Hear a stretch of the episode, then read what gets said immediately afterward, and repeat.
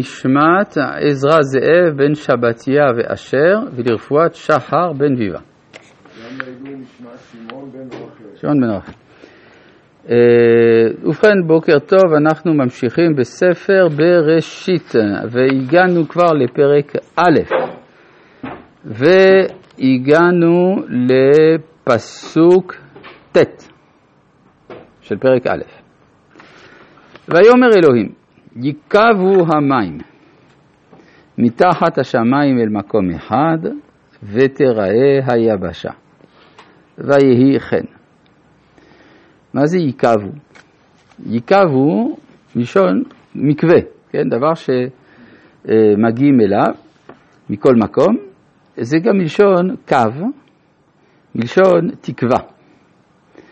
זאת אומרת, לראשונה יש כיוון, כלומר דיברנו עד עכשיו על חלוקה ערכית בין אור לחושך, בין מים למים, אבל אנחנו מחפשים גם מגמה. אז ברגע שיש תקווה, יש קו, יש גם מגמה. ויאמר אלוהים ייקבו המים. מים זה מה שאין בו מגמה, הכל דבוק. המילה מים מורכבת משני חלקים, מם, י"מ. מם זה מציין מקור, כן? מם, אני בא ממקום פלוני. וי"מ מציין ריבוי, כן? דבר, דברים. אם כן, י"מ זה הריבוי. אז מהמקור עד הריבוי, מהאחדות אל הריבוי זה מים. אבל כשהכל עדיין דבוק זה בזה, המם וי"מ מאוחדים. בכלל, הייצור הראשון שאדם אומר זה מ, כן? הילד שיונק. הילד שיונק מ.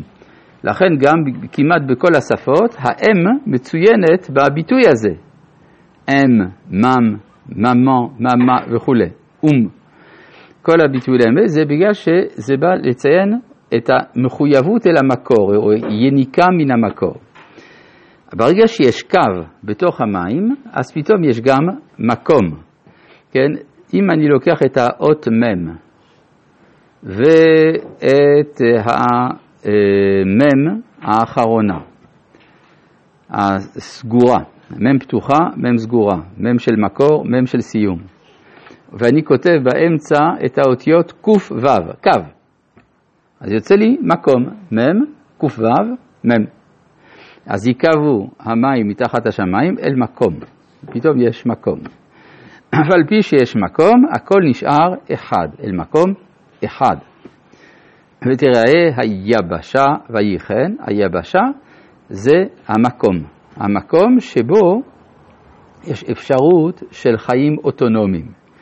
כל זמן שאין יבשה, אין מקום. אין מקום מבחינתו של האדם, אין מקום.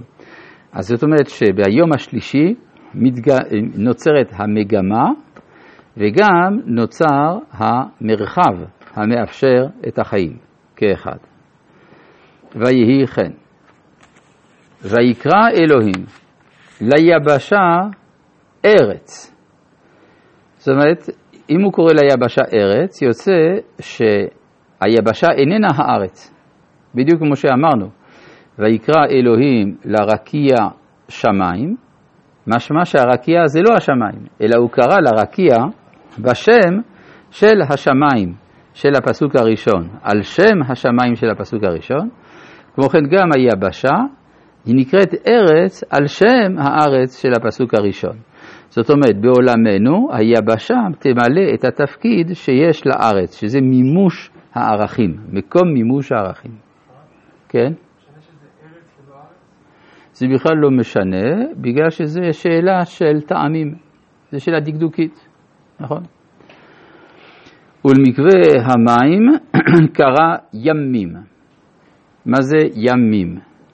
ים, זה כבר דיברנו על זה, שים זה הכלי. כן? כתוב כמים לים מכסים. יוצא שמה שהכתוב מכנה בשם ים, זה מה שהיום אנחנו מכנים בשם קרקעית. קרקעית, הים היא הים. והשאר זה המים. אז ולמקווה המים קרה ימים. זאת אומרת, יש יכולת קיבול, יש כלים, יש כלים לפעולה בעולם. וירא אלוהים כי טוב. ומה טוב? טוב לא מה שקרה עכשיו, אלא טוב יצירת הרקיע שביום השני. הרי ביום השני ראינו שלא כתוב וירא אלוהים כי טוב, כי זאת המחלוקת. ויש לנו כלל, אין מראים לטיפש חצי עבודה. וחצי העבודה אי אפשר עדיין להגיד כי טוב. אבל עכשיו, שנתבררה המגמה ושעל ידי המחלוקת הזאת יש אפשרות של יצירת בועה אוטונומית לפעולתו של האדם או של הנברא בכלל, לכן על זה אומר רטרואקטיבית, וירא אלוהים כי טוב. לכן אמרו ביום השלישי פעמיים כי טוב, כפי שאנחנו עומדים לראות. ויאמר אלוהים, תדשה הארץ דשא, עשב, מזריע זרע, עץ פרי, עושה פרי למינו, אשר זרעו בו על הארץ, ויהי כן. פה צריך לשים לב שזה הציווי הראשון שבו לא נאמר יהי. כן? לפני כן נאמר יהי אור, יהי רקיע. נכון, ייקהו המים, לא נאמר שם יהי, אבל גם לא הייתה יצירה אקטיבית, אלא ותראה היבשה. כלומר, זו פעולה אה, פסיבית, אה, כלומר, עקיפה. לעומת כאן, שיש לנו פעולה אקטיבית, ולא נאמר עליה יהי. זה דבר שנצטרך לתת עליו את הדעת. כתוב במקום זה תדשה. הארץ דשא. אגב, יש דבר סתם מעניין על דרך הרמז, מימינו אש דת לעמו. נכון? בסוף התורה נאמר שהתורה היא כמו אשדות, אש דת. מלשון אשד, משהו שבא ממעלה למטה. וההפך של אשד, של אשדות, תדשה. אותן אותיות בדיוק בכיוון ההפוך. כלומר, יש גם מגמה ממטה למעלה.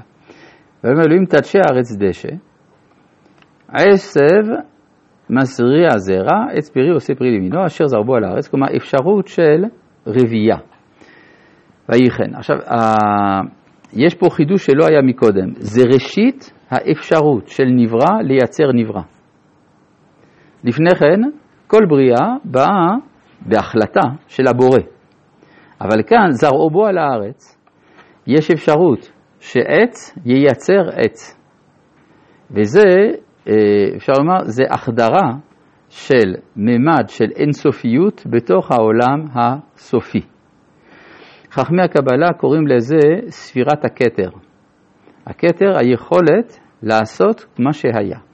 אומרים תמיד שכל כתר של פרצוף, מי שמכיר את המושגים האלה, הוא המלכות של הפרצוף הקודם. זאת אומרת שיש תמיד אה, שארית של מה שקלה, שמצטרף למה שמתחדש. ואז יוצא שאף על פי שהעולם התחתון הוא עולם שבו שולט ההוויה וההפסד, כלשון הפילוסופים, כלומר עולם שבו אין שום דבר נצחי, אבל יש אפשרות של נצחיות דרך הדורות. כן? זה מתחיל מן הדשא. תמיד כששואלים הילדים אה, איך, איך באים ילדים לעולם, אז מתחילים עם הפרחים. מסבירים להם, בפרחים זה ככה, נכון? אז גם פה זה, ה, זה העיקרון, עץ פרי עושה פרי למינו. עכשיו, כאן זה בעצם אה, המקום להסביר מה ההבדל בין יהי לבין לא, כשלא כתוב יהי. רבנו אברהם בר חייא הנשיא מברצלונה, בספר הגיון הנפש, אומר כך, שכל מקום שכתוב יהי, זה הכוונה לדבר שקיים תמיד. תמיד יש אור, יהי אור. רקיע, תמיד יש רקיע, יהי רקיע. מה עם דשא? לא תמיד. אין עשב, אין עץ שקיים כל ימי עולם, אלא כולם מתים ומתחדשים. ולכן אי אפשר שיהיה כתוב יהי דשא, כי זה לא נכון, אין דשא שקיים לעולם. ותוצא הארץ דשא. עשב, מזריע זרע למינהו, ועץ עושה פרי אשר זרעו בו למינהו, וירא אלוהים כי טוב, ויהי ערב ויהי בוקר יום שלישי, אז פה החידוש, ההפרש בין האידיאל למציאות, האידיאל שהעץ וטעמו של הפרי יהיה אותו טעם, והמציאות היא שיש הבדל בין אמצעי למטרה, בין טעם לבין העץ. רבי חנניה